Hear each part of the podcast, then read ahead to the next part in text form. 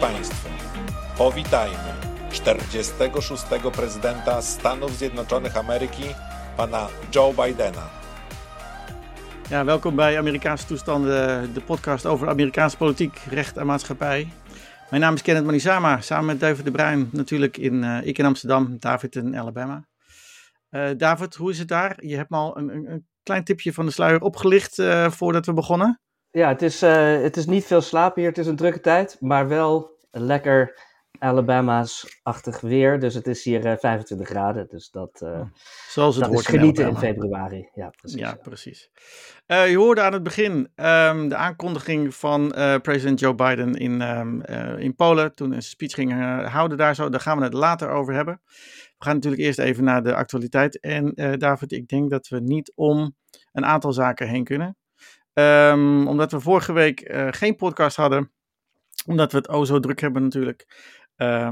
Nikki Haley is de eerste echte officiële uitdager van, van Donald Trump heeft de kandidaat uh, gesteld. Um, heb jij daar een mening over, Nikki Haley?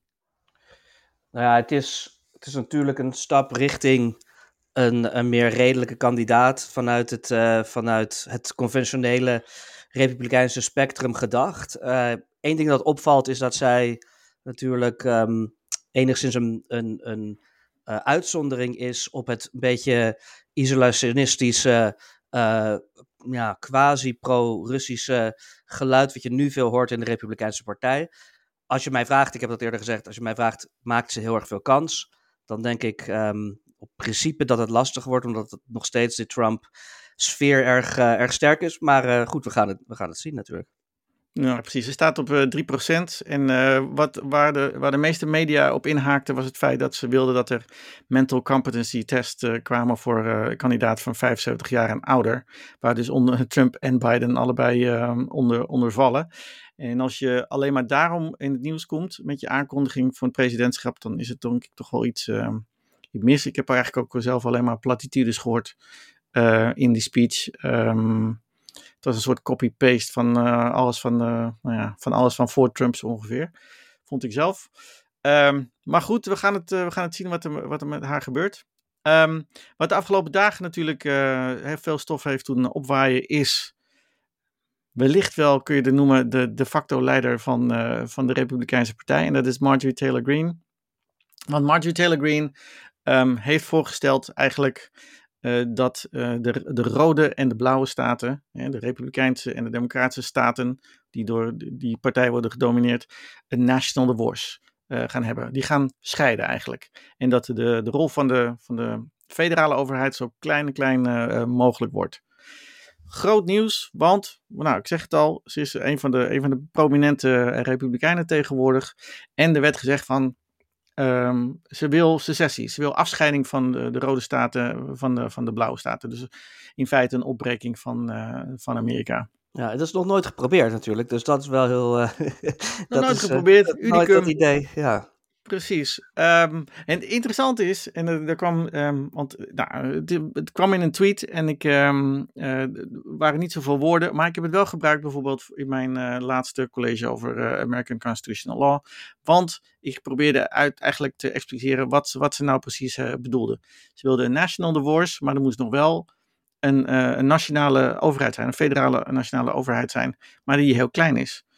En dus vroeg aan mijn student eigenlijk ook van, nou wat, wat, wat wil ze nu eigenlijk? Hoe zou je dit nu in constitutionele termen uh, willen vertalen? En eigenlijk wil blijkbaar Marjorie Taylor Greene terug naar een situatie van voor de grondwet, van voor 1789, toen de grondwet in werking trad. Toen we eigenlijk allemaal, uh, toen de 13 koloniën, 13 staten waren uh, en de Articles of Confederation toen golden. En dus Amerika eigenlijk een confederatie was, een, een los samenwerkingsverband tussen, um, tussen 13, 13 onafhankelijke soevereine staten. Um, en dat is natuurlijk interessant, want um, wat gebeurt er dan? Wat gaat er gebeuren als, als dit echt zou, zou plaatsvinden? dan worden de Rode Staten bijzonder arm. Dat denk ik als eerste. ik denk ook gelijk aan Alabama, want Alabama is toch een van de, een van de armste staten in de Unie volgens mij.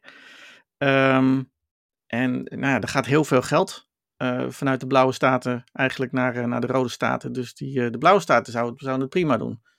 Het zijn de rode staten, de, de, Republikeinse staten, die erg zouden, zouden leiden. Ja, het, ja, het is natuurlijk het oude, maar dat is precies eigenlijk, dat maakt het ook zo, um, nou ik wil niet zeggen kolderiek, want dat, dat suggereert dat het leuk is als het ware. Maar um, dat is natuurlijk inderdaad, ja dat is het aloude thema. Dat was altijd zo, ja. uh, dat, dat natuurlijk um, de rode staten economisch, uh, ik denk wel dat dat vaak een beetje vanuit Europa bezien, uh, dat het iets overschat wordt. Als je bijvoorbeeld hier bent in Alabama, het zijn nog steeds ook als je kijkt naar, als je het vergelijkt met andere landen, dat zijn nog steeds vrij grote economieën, maar natuurlijk niet vergeleken inderdaad met de, de machtige, laat staan Californië, New York, de machtige noordelijke staten. En ja, ik, ik heb het misschien al eerder genoemd, um, wat je merkt, wat, wat ik merk althans, in de zuidelijke staten, is dat de facto men altijd al, eigenlijk zeker sinds de civil rights beweging, een, een soort um, impliciet uh, isolement beoogt van, van, van, op mhm. het gebied van de, de algemene trends in het land. Hè. Dus, dus men, men leeft vrij lokaal, men probeert niet echt het debat nationaal te winnen, maar vooral op de eigen manier dingen te doen. Nou ja, goed, dat, dat, dat is een keuze, maar dat, dat, dat Taylor Green dat nu als het ware als een expliciet beleid zou voorstellen, dat is natuurlijk uh, A, compleet niet mogelijk. Voor mij stelden ze voor dat bijvoorbeeld als uh, mensen uit noordelijke staten naar het zuiden zouden verhuizen, dat ze dan niet, niet mochten stemmen in die staten de eerste paar jaar.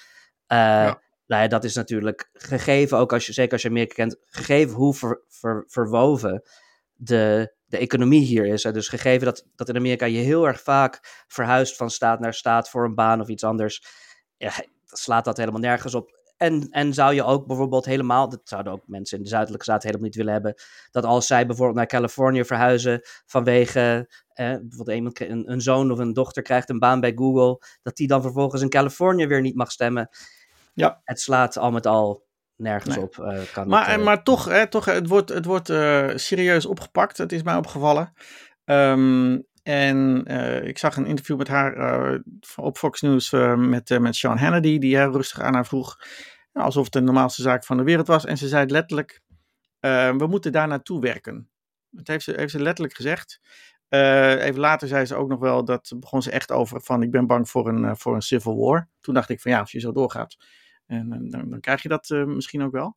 Hè, dus het feit dat het Margie Taylor Greene is, Um, het feit dat het zo opgepakt wordt door de media, denk ik toch wel dat het een iets serieus is. Want Kevin McCarthy, de officiële leider van de Republikeinen, in het Huis van Afgevaardigden in ieder geval, die is compleet stil. Die hoor je niet hierover. Die wil niet reageren. Um, dus ik ben benieuwd of, of hij echt een, toch echt een keer wordt gevraagd van, wat vind je daar nou van? Ik denk vooral dat het, dat het buiten, kijk, buiten wat er verder van gaat komen, wat het vooral ook weer aangeeft. En dat denk ik, ja, goed, het is, het is, het is afwachten of, uh, en dat, dat hangt denk ik ook van af van hoe, hoe deze presidentiële verkiezingen gaan verlopen. Maar um, het is symboolpolitiek. En, en je ziet dat, dit, dat, dat die mensen die er dus op die manier in staan, zoals Taylor Green, ik denk in ieder geval in dit geval, zich heel duidelijk uh, verschuilen of een veilige haven proberen te vinden in dingen die niet gaan gebeuren, maar die je wel kan zeggen. Ja, dat, dat, dat zal voor haar werken op populistische basis. Maar als er op een gegeven moment niks van komt en als je die verkiezingen niet gaat winnen, want het idee slaat niet echt ergens op, mm. um, ja, dan zal je denk ik toch op een gegeven moment ook een reactie gaan krijgen in Rood-Amerika. Althans, dat hoop je in ieder geval op een gegeven moment van, mm-hmm. wacht eventjes, dit is hartstikke leuk om, om, om al dit soort slogans uh, eruit te gooien. Maar uiteindelijk moet er wel iets voor ons gedaan worden. Gewoon ook al ben je de, de Rode Staten. Ja. Uh, dus mijn, mijn, probleem, mijn probleem met dit soort uitspraken is gewoon in de, in de huidige tijdsgeest in ieder geval. Um, is dat het, nou ik zei net eerder al dat het serieus wordt opgepakt, maar dat vooral de mensen zijn, um, de, de, gewone kiezers, um, die dermate zo beïnvloedbaar zijn, die denken dat dit een serieus beleidsvoorstel is. die er echt wellicht naar willen gaan, uh, gaan handelen, of die denken van ja, dit gaat inderdaad gebeuren. en wat hun reactie zal zijn als ze zien dat het niet gaat gebeuren. Afgezien nog van het feit dat Marjorie Taylor Greene misschien wordt afgeserveerd bij de verkiezingen maar er komt misschien een nog radicaler iemand um, op het toneel um, wellicht. Hè? Dus dit, die dynamiek, die, die, die, daar vrees ik dan een klein beetje, uh, beetje voor. Dat het, uh, ja, dat het nog, nog, nog sneller richting iets, van, iets van een gewelddadig iets ja. wordt. Ja, ja, je hebt natuurlijk, en January 6 heeft natuurlijk aangegeven dat, dat er wel degelijk factoren zijn in Amerika die om kunnen slaan naar, naar geweld. ja, goed, zoals gezegd, naar mijn gevoel is het, is het, wordt het, ja, de, de, de uh, lucht als het ware binnen de, binnen de Republikeinse populistische vleugel steeds dunner. En, en wordt het steeds minder, steeds minder dat men echt probeert anderen te overtuigen of, of nog echt dingen te doen. Ja, zoals gezegd, daar, op populistische basis kan je er absoluut verkiezingen mee winnen, zeker lokaal. Uh, ga je er uiteindelijk iets van terechtbrengen? Ik zou, heb zo mijn twijfels, maar uh, we, we, zullen het inderdaad gaan zien. Dat, uh, klopt zeker. Goed, we gaan het inderdaad toch maar volgen. Misschien ben ik wel bang voor niks. Um, iets anders wat uh, interessant juridisch was, was um, alle, al het bewijs ongeveer wat Dominion op tafel heeft gelegd in de rechtszaak tegen Fox News. Dominion, natuurlijk de fabrikant van de stemmachines die in een aantal staten is gebruikt en waarvan er allerlei samenzweringstheorieën de ronde deden dat die gemanipuleerd werden, dat ze uit Venezuela kom, kwamen door Hugo Chavez nog ingesteld, enzovoort, enzovoort. Nou, het was dermate ridicuul maar het werd wel door um, Fox News ook herhaald en naar voren gebracht en besproken. Um, Dominion heeft een 1,6 miljard uh, lawsuit, een rechtszaak begonnen. Ze willen 1,6 miljard dollar van, van, van Fox News.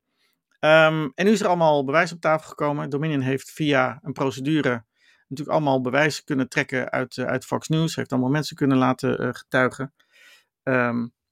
en wat blijkt? iedereen binnen Fox News ongeveer wist dat het allemaal onzin was. Dat gedoe over de Dominion voting machines. Nou, um, wat is nou de juridische standaard? Wat, wanneer moet Fox News inderdaad gaan uh, betalen? Dat is eigenlijk de standaard is, en het komt uit een, een, een mooie, nou ja, mooie rechtszaak tussen, um, met de New York Times, New York Times versus Sullivan. En de standaard is actual malice. En dat bestaat eigenlijk uit twee delen.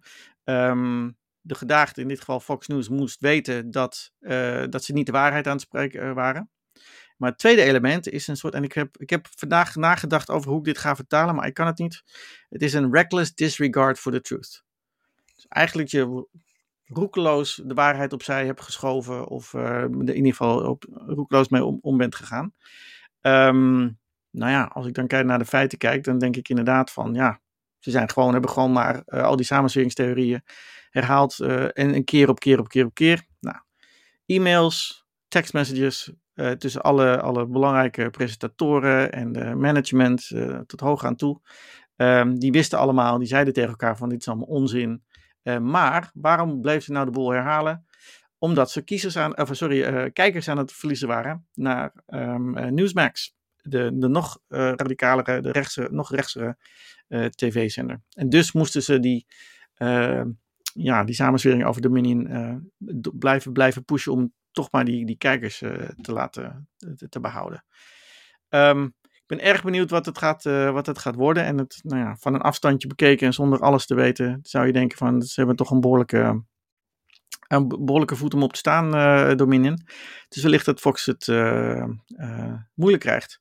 En ik denk dus ook dat deze standaard, want op deze standaard is ook altijd heel veel kritiek geweest, bijvoorbeeld van Donald Trump, die actual malice standaard, dat die ook behouden zal blijven. Het is wel een redelijk hoge standaard voor um, nieuwsorganisaties um, om, om, om laster te vermijden.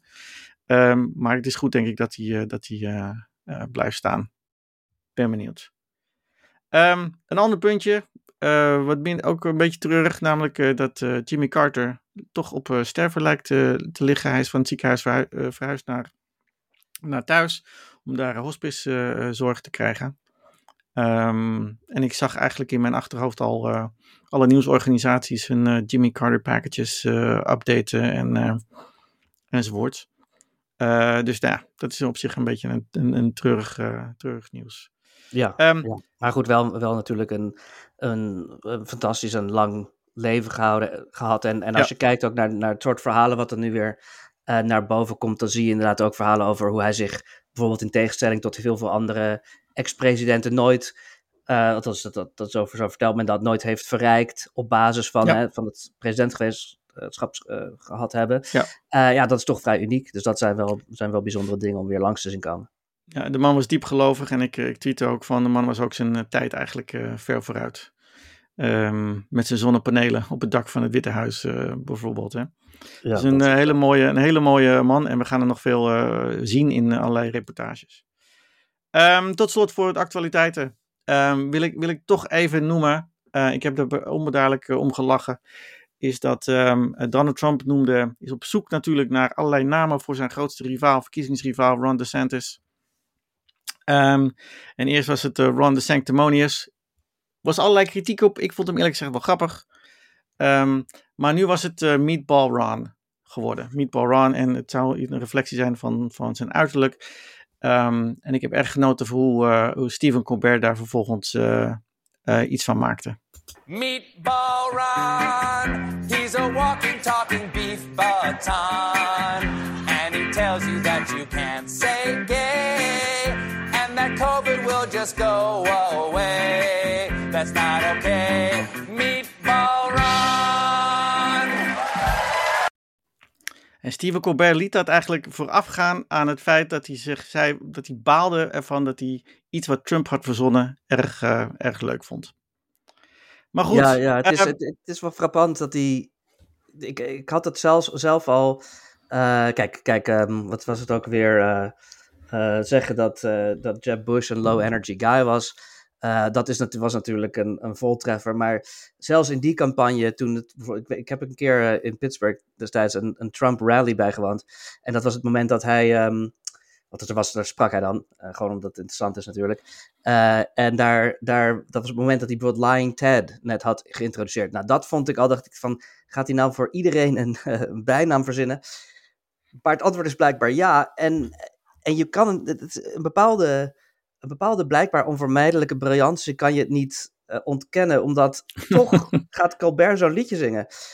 En ja. dat zijn toch het soort effecten waar, waar hij op hoopt. Dus dat is, dat is frappant dat je denkt, dit is nu wel heel erg sleets om gewoon telkens een of ander dom uh, bijnaampje voor je tegenstanders te gaan verzinnen. Maar wie het, weet, het werkt, misschien is dat David, gewoon... Het werkt. Slim, het blijft ja. bij iedereen plakken.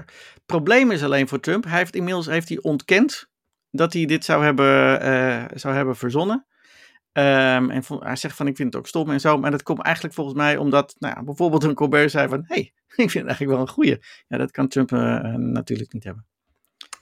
Goed, we gaan naar uh, Biden in, in Polen met een eigenlijk historische speech. One year, one year into this war, Putin no longer doubts the strength of our coalition. But he still doubts our conviction. He doubts our staying power. He doubts our continued support for Ukraine. He doubts whether NATO can remain unified. But there should be no doubt. Our support for Ukraine will not waver. NATO will not be divided, and we will not tire. David, er was een historische speech, of niet? Absoluut. Uh, Biden was in Polen. Uh, hij had de dag daarvoor um, Zelensky bezocht in, in Kiev, uh, onverwacht. Uh, wat natuurlijk een, ja, een, een, een heel sterk beeld gaf van uh, de Amerikaanse president die in Kiev rondliep één jaar na de invasie van, althans na de, na de volledige invasie van, van Poetin. In plaats van Poetin. Uh, Poetin die een speech zelf ging houden, volgens mij was die gisteren, um, over hoe het allemaal ging, maar eigenlijk niet zo heel veel te melden had op het gebied van de oorlog in Oekraïne, omdat het natuurlijk uh, niet zo goed gaat. En dat was dus een beeld wat uh, Biden, althans voor de Russen, um, om, dat is natuurlijk een beeld dat, dat Biden graag neer wilde zetten, dat, dat contrast. En ik wil dat eigenlijk eventjes gebruiken om wat dieper in te gaan, of diep, dieper te duiken eigenlijk in het Amerikaanse debat wat je nu hebt, uh, en wat je misschien in Nederland niet op die, niet op die gedetailleerde manier meekrijgt over, over dit buitenlandbeleid waar, waarin bijvoorbeeld de steun aan Oekraïne centraal staat. En het moment, uh, het moment wat, wat we hebben, in, hebben op dit, in, dit, in, dit, in deze situatie voor de algemene positie van Amerika uh, in de wereld. Nou, vorige keer, een paar weken geleden, twee of drie podcasts geleden, heb ik, um, zoals de luisteraar, de trouwe luisteraar zal herinneren, uh, heb ik het gehad over twee stromingen die je eigenlijk zag in het vroeg 20e eeuwse conservatisme, waarvan duidelijk één inmiddels de boventoon uh, is gaan voeren. En de ene stroming, de, de stroming die we eigenlijk niet zoveel meer zien, werd toen vertegenwoordigd door een, een journalist, H.L. Mencken, die eigenlijk stond voor hè, uh, een modern conservatisme wat, um, wat wel degelijk sceptisch was over alle vooruitgang en zeker natuurlijk progressieve waarden, maar desalniettemin um, ja, op een open manier in de westerse wereld stond en, en, naar, en, naar, en naar de wetenschap bijvoorbeeld en naar moderniteit keek. En daartegen inging een populisme wat toen behoorde tot de Democratische Partij. En wat vertegenwoordigd werd door een, senator William Jennings Bryan, die eigenlijk op populistische wijze uh, terug wilde naar een soort oer-Amerika. Terug naar, naar Amerika wat natuurlijk nog op God geloofde, uh, nog terugging tot hè, de landelijke origines van het land. Uh, en, en wat een bepaald... Beetje Jeffersonian. Je Jeffersonian, maar dan op religieuze wijze. Jefferson... Ja. Uh, Jefferson was, geen, was niet religieus, nee. Nee, Jefferson vertegenwoordigde ook zo'n denken, maar op een soort libertarische manier. We moeten niet te veel overheidsinvloed hebben, want dat gaat in tegen de, tegen de vrijheden die Amerika voorstaat.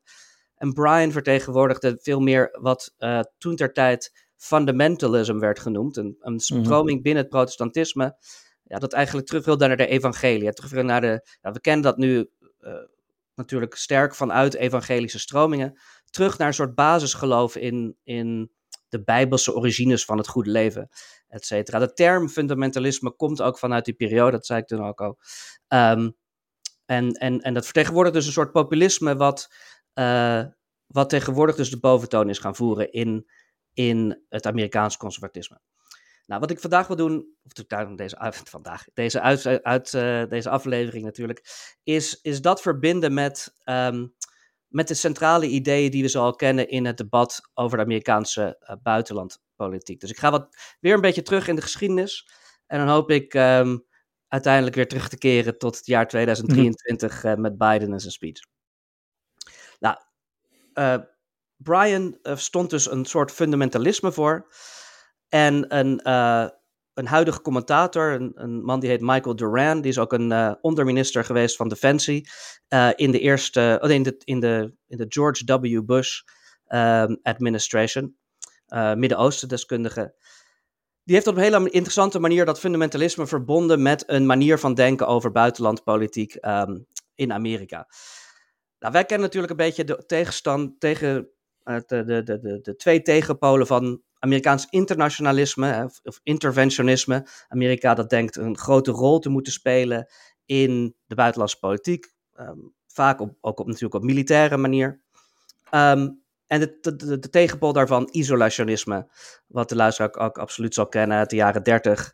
Uh, het idee dat Amerika op zichzelf uh, moet drijven en eigenlijk helemaal niet zoveel te schaften heeft met de rest van de wereld. En je zou ook goed kunnen denken dat bijvoorbeeld het huidige Trump-moment, uh, zeker ook met het enigszins quasi pro-Russische of in ieder geval Oekraïne-sceptische geluid hè, binnen die beweging, dat het een beetje teruggaat op dat isolationisme. Maar wat heeft nou Mike Doran um, betoogd? Mike Doran die ken ik toevallig ook enigszins persoonlijk, dus dat is wel, wel grappig. Maar eh, vrij overtuigende lezing zegt hij dat isolationisme wordt niet helemaal goed begrepen als een Amerikaanse stroming. Dus daar wil ik eerst even wat over zeggen. Wat, wat is mhm. nou die isolationistische, isolatie, ja, isolationistische uh, stroming binnen het Amerikaanse denken over, het, over buitenlandbeleid? Nou, hij noemt dat um, niet isolationistisch, maar hij noemt dat de Jacksonian persuasion. Uh, Jackson, een van de eerste Amerikaanse presidenten en ook bekend als een, als een populist, um, die zou de volgende houding hebben gehad tot, tot de rest van de wereld dat heeft te maken met dat fundamentalisme, dat heeft te maken met, met ook een bepaalde religieuze houding. Namelijk een bepaalde soort um, haat-liefde relatie tot, tot interventies in het, in het buitenland. Het idee is, er is iets heiligs, er is iets belangrijks, er is iets um, goddelijks, zou je bijna willen zeggen, aan het idee van Amerikaanse vrijheid. Um, Amerikaanse vrijheid is van groot belang. En als dat bedreigd wordt vanuit het buitenland, dan zegt Mike Doran, dan is deze stroming helemaal niet isolationistisch. Dan kan hij zelfs agressief of zelfs, uh, stel je George W. Bush voor, um, ja, vrij um, ja, um, nou, fundamentalistisch zijn, vrij als, als zeeloterig. Maar zodra die dreiging dan weer verdwijnt, dan is dezezelfde stroming geneigd zich meteen weer terug te trekken. Geen enkel verband te zien tussen Amerika zelf en de rest van de wereld. Het eigenlijk een beetje te zien als een soort, ja, een negatieve versie van The Shining City on the Hill. The Shining City on the Hill kan je natuurlijk op twee manieren interpreteren. Aan de ene kant kan je denken, het is een prachtig voorbeeld voor de rest van de wereld. Dat moeten we uitdragen. Maar aan de andere kant kan je ook denken, het is een beetje een villa in the jungle. Het is een, het is een, een uitzondering tot de algemene verdoemenis die er in de wereld uh, heerst. nou, en Mike Duran zegt daarover, en ik, ik, geef even een citaat uit die, uit die lezing. Kan je trouwens op, op YouTube vinden als mensen het interessant vinden. Waar, waarom zit er nou deze soort van bipolariteit in, dat Jackson, in die Jacksonian persuasion, in die Jacksonian uh, overtuiging? Uh, het komt erop neer, zegt hij, het komt neer op de love-hate relationship dat de, die de Jacksonians hebben met the federal government and a strong chief executive. Both are vital to the survival of American liberty. The halo that surrounds liberty also encompasses the military, and in certain circumstances, it can widen to encompass the presidency and the federal government as well. But the state itself is not sacred or even good, and if power or executive action endanger liberty, Jacksonians can regard both as a pestilence. Dus dit, mhm. dit, wat dit eigenlijk zegt is, isolationisme in Amerika is eigenlijk niet volledig isolationistisch. Het is bipolair. Het is aan de ene kant heel moralistisch betrokken zodra Amerikaanse vrijheid um, uh, bedreigd zou worden. Aan de mhm. andere kant is het, uh, is het dus heel teruggetrokken als, als, dat, als, die, als die omstandigheid niet zo gezien wordt. En, en er is dus geen warme band met het idee van de Amerikaanse staat uh, die zich internationaal uit. Um, maar tegelijkertijd, als er bedreiging is, dan, dan kan men juist wel heel sterk optreden. En wat is nou precies dan het, wat de, de, het onderscheid met. Uh, want ik denk dat het beeld ook bij heel veel mensen is dat uh, een, een ander soort uh, missionair gevoel is. Uh, inderdaad, je zei het al van Shining City on a Hill en de democratie moet worden geëxporteerd. voor its own zeker. Hè? Voor, voor, omdat het een, een, een, goed is. Niet, zozeer te maken met de veiligheid van uh, Amerika zelf.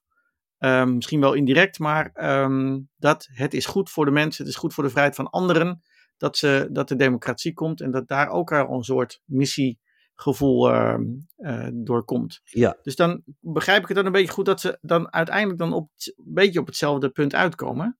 Ja, dat is en het, uitstekende, uitstekende vraag. Dat brengt me namelijk precies op wat ik op, op, op, het, op het onderscheid wat ik, wat ik wilde gaan maken. Wat is dan het contrast? Wat is, wat, als, als de isolationistische positie dus Jacksonian is, wat is dan het contrast? Daar zegt Mike Duran van, dat is Wilsonian. Nou, wat is wat Woodrow. Wilson in de Eerste Wereldoorlog um, is natuurlijk bekend op het voor het idee dat na de Eerste Wereldoorlog, nadat die afgelopen was, Wilson een enorm ambitieus plan had voor de wereld in het algemeen. Hij is natuurlijk een van de voorvaderen van de Volkerenbond.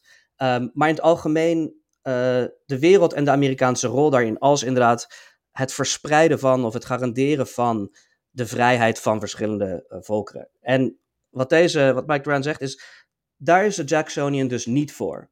De Jacksonian ziet de Shining City on the Hill als een uitzondering in een donkere wereld, die met kracht en zelfs als het ware inderdaad op missionarische wijze bijna verdedigd moet worden wanneer het nodig is, maar waar die geen hoop heeft ooit echt um, ja, de wereld te verbeteren op permanente basis. Daar is de wereld zelf te donker voor. Daarvoor, daarvoor zijn er te weinig banden tussen en dan zo denkt men dan het de halo of American freedom.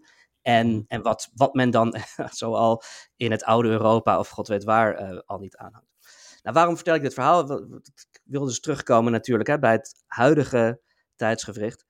In het huidige tijdsgevricht heb je ook een debat uh, in Amerika over wat nou eigenlijk de rol moet zijn van de, van de Amerikaanse macht en Amerikaans beleid uh, in, de, in de eeuw die, en de, de periode die we zijn binnengegaan.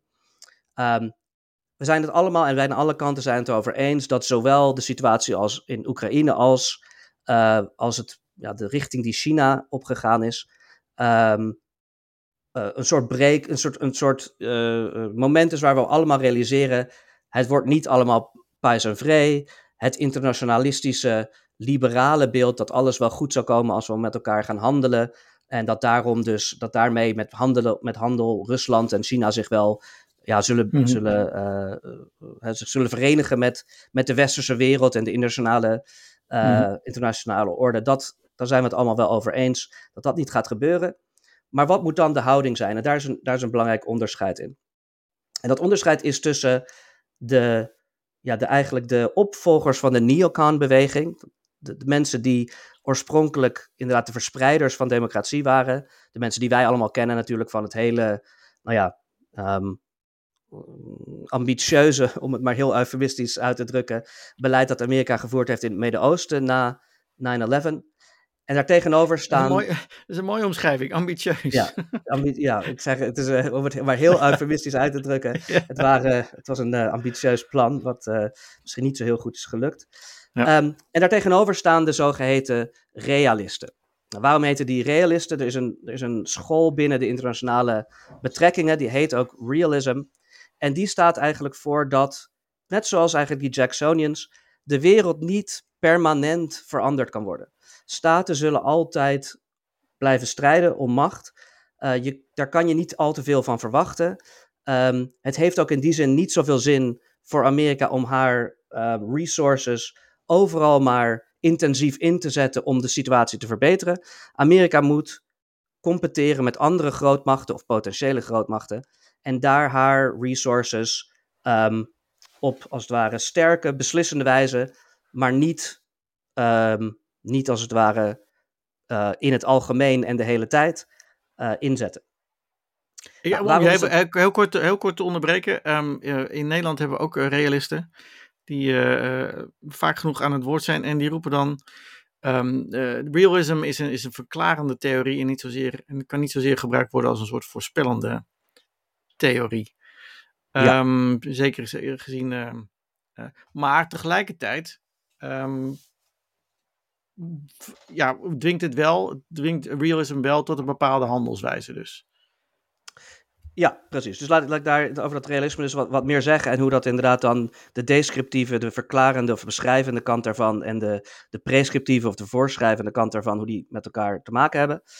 Het realisme komt ja, in uitstek als mensen dat interessant vinden. Een uitstekend, de klassieke tekst daarvoor is een boek bij um, John Mearsheimer. John Mearsheimer is onlangs het nieuws geweest omdat hij nogal op pro-Putin hand is. Maar um, hij is wel van oorsprong de grote scholar achter het realisme. En dat boek heet um, The Tragedy of Great Power Politics. Uh, en ik wil begin daar wel van even voorlezen, want dat komt zo meteen weer terug als ik het met de neocons ga vergelijken. Hij schrijft in het begin van zijn introduction van the, great, the, the Tragedy of Great Power Politics. Many in the West seem to believe that perpetual peace among the great powers is finally at hand. The end of the Cold War, so the argument goes, marked a sea change in how great powers interact with each other. We have entered a world in which there's little chance that the major powers will engage each other in security competition, much less war, which has become an obsolescent enterprise. In the word, in the word of one famous author, allemaal kennen, the end of the Cold War has brought us to the end of history. Nou, Mearsheimer zegt dat is niet zo. Um, die, de, dat, die, die, die uh, strijd tussen de grootmachten zal je altijd blijven houden. Dat zit ingebakken in staten. Nou, dat is inderdaad beschrijvend, maar het zit natuurlijk, er zit een, het is niet zo lastig om te zien dat er ook een prescriptieve kant aan zit. Namelijk, wat moet een staatsman doen volgens Mearsheimer? Die moet zich hiervan bewust zijn. Die moet niet denken dat de wereld veranderd kan worden. Die moet denken, waar zit de volgende grootmacht die wij zo meteen, um, hè, waar we zo meteen tegen moeten competeren? Nou, wat zegt dus deze groep mensen, die realisten uh, vandaag de dag? Rusland is in zekere zin, zeggen zij, een afleiding. Het, het, is in zekere zin niet, het zou niet onze echte focus moeten zijn in het huidige tijdsgevricht. Want achter de horizon staat er een veel grotere bedreiging en dat is natuurlijk China. En dan hebben we het vooral over de Chinese ambitie om uh, Taiwan um, over te nemen. Nou, recentelijk heeft daar een, een, een van die realisten, een man die heet Eldridge Colby, ook een heel uh, sterk boek over geschreven. Dat heet The Strategy of Denial. Colby is een van de weinige redelijke mensen trouwens die ooit in de, in de Trump-administration uh, ook heeft gediend. Ook als een ondersecretaris van Defensie. En hij zegt dus ook, en daar, daar, daar kan je hem ook op het internet de hele tijd op, op dit punt op vinden. De steun aan Oekraïne is leuk en aardig en dat kan op zich geen kwaad. Maar um, doe het nou niet ten koste van het versterken van mm -hmm. bijvoorbeeld Taiwan. de wapens die Amerika, de javelins, et cetera, Amerika aan Oekraïne geeft, die zouden ook op Taiwan gelegerd kunnen worden. En daar, dat zegt hij dus, hè, dat, dat, dat is van veel groter belang als je nagaat dat Rusland uiteindelijk een zwakke macht is en de echte dreiging uit China gaat komen. Nou, de tegenpol daarvan is de neocon-beweging, dus de internationalistische beweging. Ehm, en die wordt voorgestaan, laatste boek wat ik ga noemen, uh, door ja, eigenlijk de bredere Kagan-familie. Uh, uh, Het zijn verschillende figuren. Robert Kagan is een van de telgen en hij heeft, er is ook zijn broer Frederick Kagan, die, zie, die hoor je soms ook op podcasts als je geïnteresseerd bent in Oekraïne. Bijvoorbeeld een interessante podcast van um, de American Enterprise Institute, dat heet de Eastern Front. daar hoor je hem vaak de militaire situatie in, in Oekraïne beschrijven. En zij hebben allebei recente boeken geschreven. Robert Kagan heeft een boek geschreven, um, The Ghost at the Feast. Dat gaat over Amerika's gebrek aan interventie in de jaren 20 en 30, als Duitsland weer opkomt. En Frederick Kagan heeft een boek geschreven, dat heet While America Slept. Het gaat eigenlijk over hetzelfde tijdsgevricht. Niet een heel originele titel, maar... Nee, precies. uh, sowieso zijn het misschien niet de meest originele denkers, maar ze zijn wel, ze vertegenwoordigen wel een sterk ja, één, één stroming binnen Amerika. En die zeggen eigenlijk het tegenovergestelde van wat Mearsheimer en uh, Colby zeggen. Namelijk, de reden waarom volgens hen nieuwe machten weer opstaan, is omdat Amerika als grootmacht te weinig doet aan het weer naar beneden drukken van dit soort regimes. Dus moet juist er sterk opgetreden worden in Oekraïne, zodat Rusland zwak blijft en zodat het daardoor bijvoorbeeld niet uh, China kan steunen in, uh, in, in, in, in, in, in, de, in de, de, de, rise of China die zij beogen. Maar ook, de, maar ook de, uh, zegt zij dan ook expliciet van um, de steun aan Oekraïne en het kleinhouden van Rusland is een, staat ook in het teken van het afgeven van een signaal richting China. Dus met, ook met dat China altijd in het wel wordt gezien, ja. net als eigenlijk die uh, Eldred Kobe, uh, als de grote grootmacht. En dus uh, is ja. het ook signaalwerking. Ja, het is, precies, Waar, waarom het dus interessant is, denk ik, om voor, ook voor de luisteraar, om dus voor een beeld hè, van hoe er in Amerika over buitenlandse politiek wordt gedacht op, op, op niveau. Er zit een bepaalde overeenkomst in die denkbeelden, namelijk ze zijn allebei, en dat denk ik, dat, daar, dat leert, die, daar is inmiddels wel consensus over. We leven helaas niet in een tijd dat de komende 10, 20 jaar het liberalisme door lekker met elkaar te handelen er wel voor zou zorgen dat het allemaal bij zijn vrede blijft. Maar de internationalisten, die neocons, vertegenwoordigen dus de Wilsonian persuasion. Namelijk, Amerika moet constant betrokken blijven in de wereld om steeds weer permanent, als het ware, um, bedreigingen voor de internationale orde te controleren, zorgen dat die niet uit de hand lopen. En zo kan Amerika wel degelijk een permanent betere wereld behouden. De internationale orde moet beschermd ja. worden door constante interventie van Amerika. En wat ik dus interessant vind, is dat die realists dus eigenlijk teruggaan op wat Mike Duran die Jacksonian persuasion noemen. Namelijk, Amerika moet optreden, maar alleen daar waar er echt een specifieke dreiging voor haar grootmacht is. En Amerika kan niet permanent, als het ware, een rol spelen in de wereld die permanent de wereld een stukje beter maakt. Dus zij zou zeggen: het is hartstikke zielig voor Oekraïne. Er zijn heel erg veel dingen zielig in de wereld. Maar de Amerikaanse macht moet alleen aangewend worden op het gebied van het competeren met deze echte dreiging, namelijk China. En we zouden er niet goed aan doen om te denken dat we permanent, als het ware, uh, ook in Europa uh, mm-hmm. de veiligheid kunnen ver, ver, verzorgen. Ook in andere gebieden ervoor kunnen zorgen dat er niet verschillende tragedies of wat dan ook zich afspelen. En um, speelt, speelt de, de Europa nog daar een, een, een rol in de, in de overweging? Of is het meer van, nou ja, we hebben Europa nodig als een, um, als een, als een steun en soms een, um, een, een, kleine partner? Um, of is, wordt Europa gewoon überhaupt niet gezien als een grootmacht? Of uh, in de, Europa speelt wordt... Europa helemaal niet mee in dat spel van de grootmachten?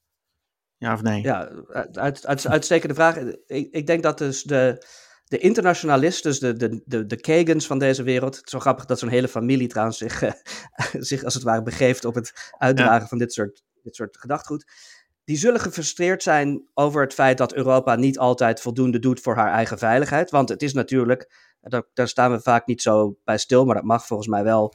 Uh, Oekraïne ligt in Europa. De ja. eerste macht die, waarvan je gedacht zou hebben dat die er wel eens aan, iets aan mochten doen, dat Poetin daar misschien zou binnenvallen, is Europa. Maar Europa tot het moment Z uh, was nog lekker gas aan het importeren uit Rusland. En er werd verder, de tanks werden verkocht. Ja, we hebben het al, we hebben al een paar keer aangehaald inderdaad. Ja, dat, uh, dat uit frustratie dat uh, Europa decennia lang eigenlijk niet zoveel heeft gedaan op dit ja. gebied. En ook dat dat dus, nou, misschien dat we, ik denk niet dat dit de podcast misschien is, maar er zitten hele, denk ik, diepere uh, inmiddels uh, gekweekte culturele uh, ja, normen aan, aan vast. Maar goed. Ja, Europa ik denk zeker dat dit een thema is waar, waar we vaak terugkomen. Maar... Ja, precies, precies. hey, maar ik, wat, om, het, om het toch een klein beetje um, plat politiek weer een beetje te maken. Want um, ik ben natuurlijk van huis uit volkenrechtjurist en ik heb nabij gevolgd alles rondom de war on terror. Um, ook de, de oorlog in Irak, Afghanistan, maar ook zelfs al teruggaande naar uh, 1990, 91, um, de eerste Irak-oorlog als het ware. Um, en wat mij opvalt in, jou, in jouw verhaal eigenlijk is dat in de rechtvaardiging voor al die oorlogen die ik, eh, die, die, die ik net noemde, dat beide stromingen worden genoemd. Alleen uh, de ene stroming, de ene rechtvaardiging wordt aangehaald uh, voor het ene publiek, het internationale publiek. En de andere rechtvaardiging wordt, wordt gebruikt voor de binnenlandse politiek. En dus dan, dan zie je een soort, ook bijna een soort bipolaire manifestatie van Amerikaans buitenlandse politiek. Um, naar buiten toe was het van ja, maar we moeten uh, ook eh, de democratie waarborgen in, in Irak. Het is een vrede dictator en die, die moet weg. En dat er voor het binnenlands politiek veel meer gezegd: nee, Saddam Hussein was een, is een bedreiging voor, uh, voor Amerika. En dus heb je, zie ik dat verkeerd? Heb je dat ook gezien? Dus is daar een, is daar een soort merger als het ware gekomen van, um, van die twee stromingen? En is die nu misschien, en lopen die stromingen in het buitenlands beleid van Amerika nu weer een beetje uit elkaar misschien? Het is, het, is, inderdaad een interessante, interessante vraag. Ik denk dat, dat het antwoord een beetje tweeledig is. Aan de ene kant heb je dus die Jacksonians, dus de realisten, kunnen zich laten voorstaan. En ik denk dat dat ook, het wordt eigenlijk te weinig expliciet besproken in dit debat tussen deze twee groepen in Amerika op het moment. Die kunnen zich terecht laten voorstaan op het feit dat zij, bijvoorbeeld zo Mearsheimer, altijd tegen de Irak-oorlog waren. Dus er waren wel degelijk quasi-isolationisten of realisten, als je het zo zeggen, of Jacksonians, die zeiden: uh, het Midden-Oosten, kijk, je moet misschien wat doen aan Al-Qaeda, maar het is uiteindelijk een backwater. Dat doet er niet echt toe voor Amerikaanse veiligheid. En het laatste wat je moet gaan doen, is eindeloos veel resources in, uh, in Irak stoppen. Want dat, dat, ook al win je daar, uiteindelijk hè, ligt het geen echte grootmacht in de weg. Dat doet, dat doet er verder niet toe. De neocons waren natuurlijk uh, absoluut voor het brengen van quote-unquote democratie naar Irak. nou, is het zo dat... macht. Precies, ja. Nou is het zo, en daar heb je gelijk in. En dat, daarom vind ik die, die analyse van het isolationisme in Amerika als niet echt isolationistisch, maar als Jacksonian interessant. Er zijn inderdaad punten dus dat de Jacksonian, als, deze, als het wordt gezien dat, hè, dat, dat dat heilige Amerikaanse vrijheidsidee wordt bedreigd, ook met een hele moralistische kracht terug dus als je bijvoorbeeld een figuur als George W. Bush neemt, dan denk ik dat hij eigenlijk niet echt een neocon was, maar een Jacksonian. Dus toen Bush werd uh, verkozen, was hij de minder internationalistische van de twee. Hij was Bush versus Gore. En, en Bush zei een beetje: let's do nation building at home, compassionate conservatism. Wat hebben we eigenlijk met de wereld te maken? Maar dan gebeurt 9-11 en dan zie je de andere kant van het Jacksonianism naar boven komen met een soort blinde moralistische kracht, moet er dan ineens gehandeld worden. Maar zodra dat dan weer voorbij is, dan zie je ze ook weer terugtrekken. Dus bijvoorbeeld, hè, het wordt ook wel vaak gezegd dat in de laatste jaren van zijn presidentschap Bush. Ja, Bush was natuurlijk niet iemand die hier heel expliciet allemaal over nagedacht had, maar qua temperament heel erg boos was op zijn, op zijn neocon-adviseurs. Paul Wolfowitz, die is er toen uitgeknikkerd. Um, Rumsfeld is er uitgeknikkerd. Want eigenlijk, zo zou je dat dan, dan kunnen, kunnen uitdrukken. De Jacksonian in Bush had er toen geen zin meer in. Die was ineens nee. teleur. Dat ging helemaal niks meer worden. Oh ja, dat, natuurlijk gaat het niks worden. De rest van de wereld is toch verdorven. Wat hebben we hier eigenlijk lopen doen? Laten we maar weer. Um, laten we er maar mee ophouden. Dus dat vind ik interessant. Hmm. Dat je dus inderdaad. Ik denk dat je gelijk hebt. Dat je dus in de Irak-oorlog. voor in ieder geval een periode. een soort vereniging van die neocon-beweging. en die Jacksonian-beweging ziet. In, het, in de aanvankelijke uh, aanvankelijke militaire actie tegen, tegen mhm. Irak. Maar dat vervolgens die Jacksonian op typische wijze weer terug wil keren tot zijn isolationistische schulp en, Ja. ehm, en de wereld toch maar een verdoemde plek vindt. Maar zie, zie jij niet dat isolationisme, zoals we het nu maar even noemen, over het eh, Jacksonian eh, eh, approach naar het buitenlands beleid, maar is dat niet gewoon heel in- inherent ingebakken in, in Amerika? Ik moet gelijk denken aan George Washington, die allemaal waarschuwde inderdaad voor allerlei buitenlandse gebeurens. De grootste angst voor, voor Amerika was en een van de, de grootste, misschien wel de grootste reden om überhaupt tot een grondwet te komen. En die Articles of Confederation, die ik eerder al noemde, eh, om die op te heffen en om ervoor te zorgen dat er een veel sterker eh, verband zou komen, was juist een geopolitieke. eh, een geopolitiek motief, namelijk dat ze verenigd veel beter in staat zouden zijn om allerlei buitenlandse mo- mogelijkheden te kunnen, te kunnen we- weerstaan. En ze waren bang om uit elkaar gespeeld te worden. Ehm, dus ik krijg een beetje, vanuit mijn kijk op de geschiedenis in, in ieder geval, heb ik het gevoel dat het misschien, dat het Jacksonian perspectief misschien eigenlijk wel vooraf ging aan het Washingtonian perspectief eigenlijk. Ja. En dat dat eigenlijk ongeveer in het DNA van, eh, van Amerika zit. En dat dat dus daarom ook een veel makkelijker argument is, of een, het meest effectieve argument is om te zeggen van onze vrijheid wordt bedreigd, we moeten de wereld in. Hoe, ehm, je, je, stelt de, je stelt de perfecte vraag. Ik denk Dat je, dat je helemaal. eh, je, je, je stipt dan iets wat, denk ik, wat ik heel terecht is, denk ik. En wat ook heel. Dus het speelt in dit debat. Dus het is absoluut zo dat, dat Amerika van oorsprong eigenlijk Jacksonian is. Nou, dus, dus dat die, die impuls, die, die, die, dat beetje ambivalente, maar enigszins isola- isolationistische, zit ingebakken in Amerika. Dat is een hele oude Amerikaanse stroming. Maar wat zeggen de neocons? En, en hier wil ik nog één, eh, als de luisteraar het mij toestaat, eh, nog één passage voorlezen. Wat zeggen de neocons?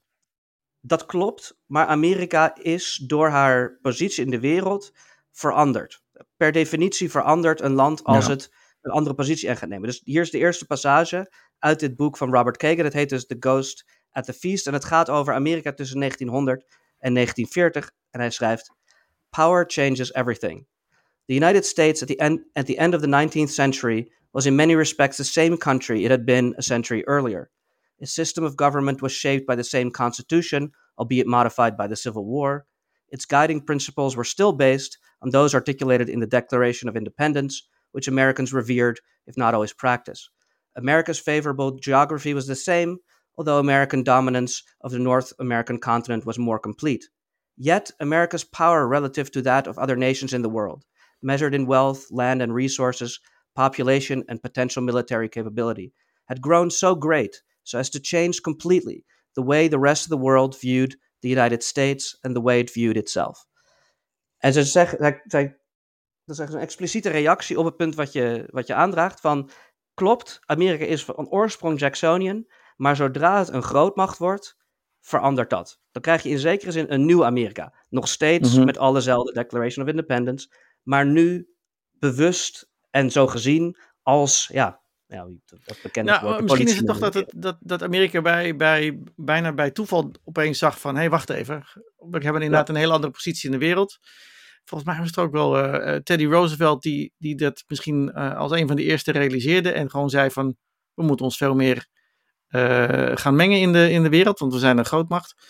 Ik weet dat volgens mij dat Jefferson zelf ook al in zijn, al zijn idealisme ook al dacht van, volgens mij, nou, termen als Empire of Liberty komen dan tevoorschijn, dat hij ook iets zag eh, in Amerika wat groot zou kunnen worden ehm, eh, in de wereld. Maar Teddy Roosevelt maakte het dan veel praktischer. Die had het inderdaad al, praktisch aan de hand. Ehm, maar daar, dat je daardoor ook dus die, die, die, die bi- bipolaire reflex krijgt en de, de verschillende argumenten voor de verschillende eh Ja, en het is ook geen toeval dat Wilson, Woodrow Wilson is de president ten tijde van de Eerste Wereldoorlog. Het eerste moment dat Amerika echt, Ja. en door iedereen zo erkend staat van wacht even, dit land kan doen ongeveer wat het wil. En dus is het Wilsonian, de, Wilsonian persuasion is een veel nieuwere, nieuwere state of mind, om het zo maar te zeggen, Ja. van het Amerikaanse eh, politieke bestel dan de Jacksonian persuasion. Daar heb je, daar heb je helemaal gelijk in. Tot groot zagrijn van eh, Teddy Roosevelt noemen we het nieuw Wilsonian. Eh, want Teddy Roosevelt was Ja. toen ook in de strijd om dit presidentschap. Eh, maar goed. Ehm, Ik denk hoe- dat Jacksonians het vooral graag Wilsonian noemen, want ze hebben het niet zo op Wilson. Ik denk dat de neocons zelf inderdaad het liever hebben over, eh, over Teddy. Nou ja, en ik heb net ook nog Washington in, erin gegooid. Dus de, de, de, luisteraar kan gaan, kan gaan kiezen waar, het nou, waar het beginpunt nou precies was. Um, Laten we proberen de cirkel rond te brengen en het tot de, de speech van Biden te brengen. Goed, goed punt. Nou, ik denk dus dat Biden staat de Wilsonian impulse voor. Um, dat wil zeggen, Biden is deel van het nou, in, de 20, in de 20ste eeuw lange establishment dat een permanente rol ziet voor Amerika in het, in het uh, ja, beter maken en het beter maken van de, van, de, van de wereld in de zin van het uh, verdedigen van de quote-unquote internationale orde. Nou, hoe uitzicht dat dan bijvoorbeeld in Europa? En dat, dat, is dus, dat is dus inderdaad interessant. Natuurlijk vindt Biden ook, en vinden mensen ook in de Biden administration, dat Europese landen meer zouden moeten doen. En natuurlijk zijn ze dan ook soms, nou, die uitstekend uh, voorbeeld was, er was laatst, een paar weken geleden, frustratie in Amerika met de houding van Duitsland. Want Duitsland zei dat zij slechts tanks aan, slechts de Leopard tanks aan Oekraïne wilde leveren, als Amerika ook bereid zou zijn Abrams tanks wilde leveren. Dat, die wilde leveren. Waarop Amerika zei, wat, heb, wat hebben wij met jullie beleid te maken? Kunnen jullie niet zelf bepalen of je het wel of geen goed idee vindt? Um, maar desalniettemin zal Biden toch die, die, die, dat, dat, dat, die lacune die er dan is in het Europese handelen opvullen met Amerikaans handelen. De Jacksonian, de Mearsheimer zegt, nee, als de Europeanen het zelf niet zo heel erg belangrijk vinden, dan vinden wij het misschien ook niet zo heel erg belangrijk. Hm. En zo, daarom krijg je dus die Eldridge Colby echt wel een, een, ik ben het niet met hem eens, ik ben zelf meer aan de andere kant, maar wel een van de weinigen die op hele competente manier dit, dit denkbeeld uh, naar voren brengt. Namelijk, hè, Colby is helemaal niet pro-Putin, Mearsheimer uit zich veel, uh, veel dubieuzer in die zin. Maar hij zegt: Nee, ik ben helemaal niet pro-Poetin. Ik zeg alleen: Amerika, Amerika heeft één prioriteit. Dat is China. Oekraïne ligt in Europa. Nou, vinden we het hartstikke mooi en belangrijk dat zij daar wat aan doen. Maar als ze er niet iets aan willen doen, dan gaan wij niet al onze javelins in Oekraïne neerzetten. Terwijl, althans, hm. dat stelt hij voor natuurlijk. Terwijl ze beter uh, voor Amerika in Taiwan um, zouden kunnen staan. Dus dat er moet natuurlijk toch uh, geschaakt worden op meerdere borden uh, door, door Amerika. Um, en meerdere scenario's moeten bedacht worden, want het kan ook toch niet zo zijn, goed zijn voor Amerika als Europa heel verzwakt uit zo'n conflict komt. Als bijvoorbeeld nee. inderdaad Oekraïne onder de, onder de voet zou zijn gelopen. Um, heel snel. Ik, en dat, ik ben het daarom ook niet eens met, met Colby, inderdaad. Nee, precies. Hè? Het, is een, het is een beetje. Een, ik, eh, ik, heb, ik volg hem inmiddels uh, ook uh, op jouw op jou, aanraden. Um, dat het een, een eendimensionaal beleid is eigenlijk. en dat er dan te weinig wordt gekeken naar van. Eigenlijk te veel wordt uitgegaan van. uit Amerika zelf en wat Amerika zelf kan doen. Terwijl je zou kunnen denken: van ja, maar wacht even, wat er met Europa gebeurt is ook weer heel belangrijk voor uh, voor Amerika. Hè, dus dat, dat Uh, verband, dat is inderdaad in zijn, in zijn analyse soms. Ja, zijn standpunt is eigenlijk, en het, het is wel een, het is een coherent standpunt. Het is een beetje de vraag. Ik denk niet, ik denk niet dat het zich zo zal, dat, het, dat, dat dit zich zal realiseren. Maar wat hij eigenlijk zegt is, het is kiezen of delen. Het, probleem is namelijk dat Taiwan een eiland is. Dat is heel erg moeilijk te verdedigen. Het ligt heel erg dicht bij China. Wij hebben niet de militaire resources om zowel mm Oekraïne alles te geven als uh, Taiwan alles te geven. Want bijvoorbeeld nu al, bijvoorbeeld, er, er, is een achterstand in het, in het uh, maken van javelins van een paar jaar. Ja. En hij zegt dus, het is helaas, maar het is kiezen of delen.